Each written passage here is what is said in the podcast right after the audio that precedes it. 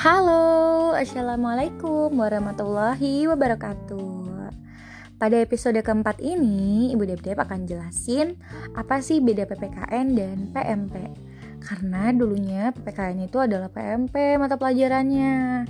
Dan sekarang berubah nama menjadi PPKN Pendidikan Pancasila dan Kewarganegaraan Tapi sebelumnya di kelas 1 SD-nya Bu Dep itu PPKN itu ya namanya PPKN kemudian tiba-tiba berubah di kelas berapa gitu ya? Hmm, di kelas 3, 4, 5 atau di SMP itu tiba-tiba berubah lagi menjadi PKN Pendidikan Keluarga Negaraan. Dan di SM Kak sampai akhirnya kuliah kayaknya. Kuliah itu berubah lagi menjadi PPKN wow berubah-berubah ya katanya sih setiap ganti menteri ganti juga kebijakannya tapi masa mau seperti itu terus Nah, oke, okay, langsung aja nih. Mata pelajaran PMP itu atau biasa disingkat dengan Pendidikan Moral Pancasila.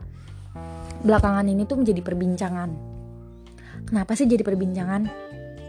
Ya katanya mau dihidupin lagi. Jadi PPKN tuh mau diganti lagi jadi PMP. PMP itu adalah mata pelajaran wajib di era 70 sampai 80-an, sama kayak PPKN. Di mana sekarang PPKN itu adalah mata pelajaran wajib yang ada di semua jenjang, baik di SD, SMP, SMK, SMA maupun di perguruan tinggi. Saat itu, semua lapisan pendidikan mulai dari SD, SMP, SMA, dan perguruan tinggi wajib punya wajib tuh dapat mata pelajaran PMP ini. Supriyano bahkan sebagai Direktur Jenderal Guru dan Tenaga Kependidikan Kementerian Pendidikan dan Kebudayaan Kemdikbud mengatakan bahwa akan mengaktifkan kembali mata pelajaran PMP atau Pendidikan Moral Pancasila. Munculnya wacana diaktifkannya kembali PMP ini disebut-sebut karena salah satunya adalah maraknya isu hoax PKI atau Partai Komunis Indonesia yang sampai sekarang nih katanya masih tersebar di antara masyarakat dari bajunya ada juga yang masih pakai bajunya atributnya dengan lambang kapak dan lain-lain Supriyono menjelaskan munculnya paham-paham radikalisme dari berbagai paham lain yang bertentangan dengan norma Pancasila sebagai dasar negara menjadi salah satu alasan pendidikan dasar ini mesti kembali diterapkan. Menurut Supriyano, Pancasila itu bisa digunakan sebagai pondasi untuk membentengi seseorang dari paham-paham radikal yang merusak bangsa. Apa sih paham-paham yang dapat merusak bangsa itu?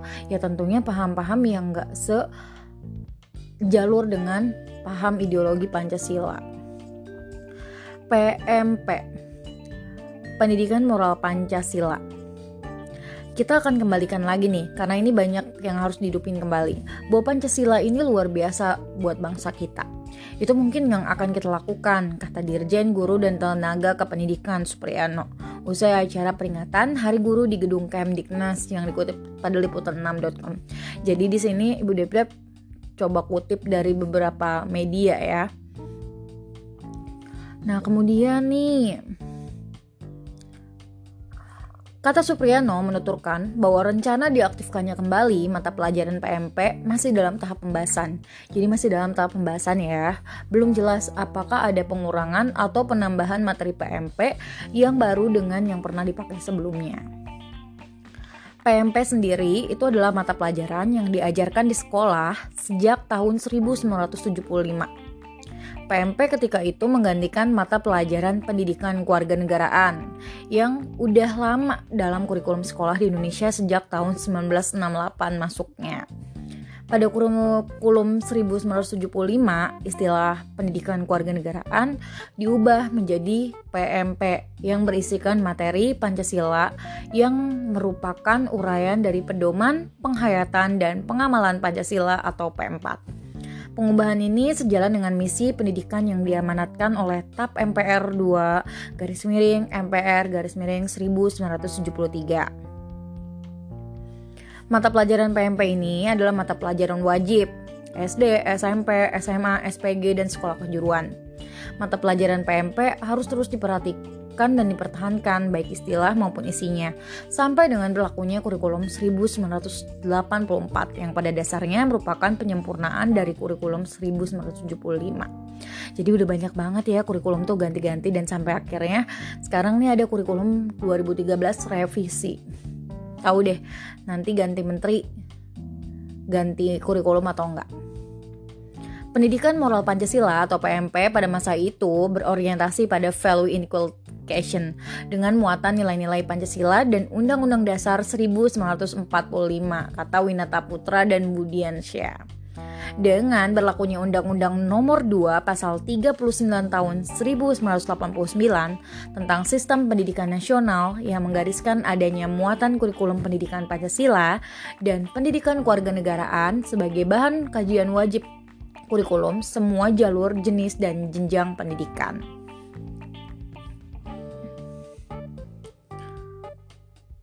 Lalu, apa sih perbedaan PMP dan PPKN? Ini kan yang dari tadi mau kita bahas.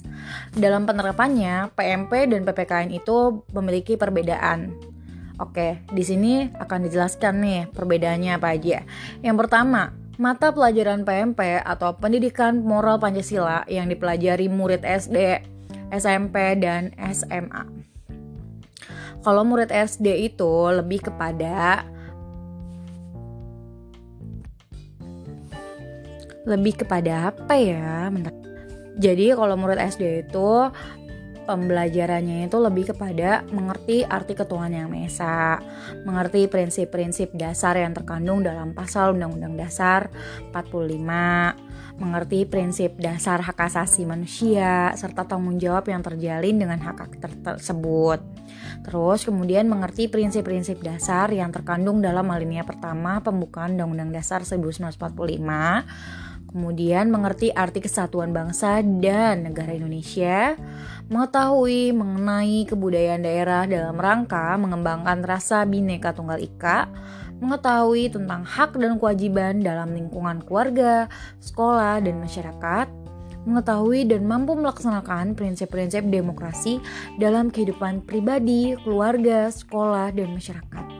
Mengerti dan mampu menggunakan dasar-dasar hak warga negaranya, memahami bentuk dan dasar negara Republik Indonesia sehingga murid mampu berpartisipasi sebagai warga negara dan yang terakhir untuk murid SD yaitu mengetahui dan mempraktikkan prinsip keadilan sosial dan kehidupan pribadi keluarga, sekolah dan masyarakat. Itu banyak juga ya untuk murid SD harus punya pemahaman konsepnya seperti itu tadi apalagi murid SMK nih.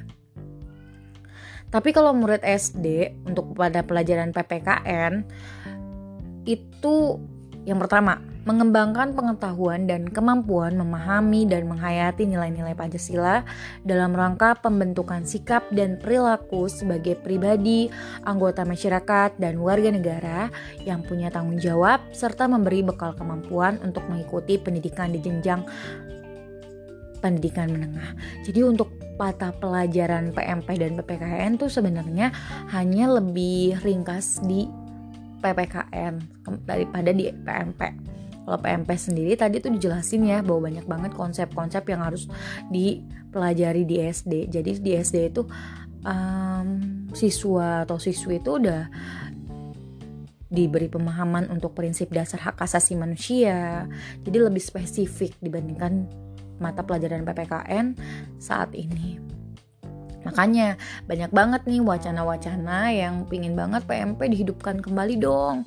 Um, karena PMP tuh bagus banget pelajarannya. Sedangkan PPKN sekarang tuh lebih ringkas dan anak SD tuh kadang nggak tahu gitu loh Pancasila itu apa, sila ke satu itu apa, sila kedua itu apa gitu sedangkan pada mata pelajaran PMP si siswa wajib tuh harus tahu walaupun di PPKN kelas 1 SD juga mereka wajib untuk tahu sila pertama sampai sila kelima. Oke itu aja sih um, untuk episode yang kali ini karena banyak banget sebenarnya pembahasannya dan nggak mungkin satu-satu dibahas di podcast ini. Mungkin kalian bisa juga sambil baca buku dari berbagai sumber yang ada. Kalau Ibu Debdeb sendiri juga sama, ngambil dari sumber-sumber yang ada seperti buku, kemudian website dan lain-lain. Oke, terima kasih semuanya. Selamat belajar dan semoga mengerti apa itu pelajaran PPKN dan pentingnya pembelajaran PPKN. Kalau kamu ingin tanya-tanya, silahkan email Ibu Devi atau bisa juga WhatsApp kalau kamu tahu nomor Ibu Dep. Terima kasih. Wassalamualaikum warahmatullahi wabarakatuh.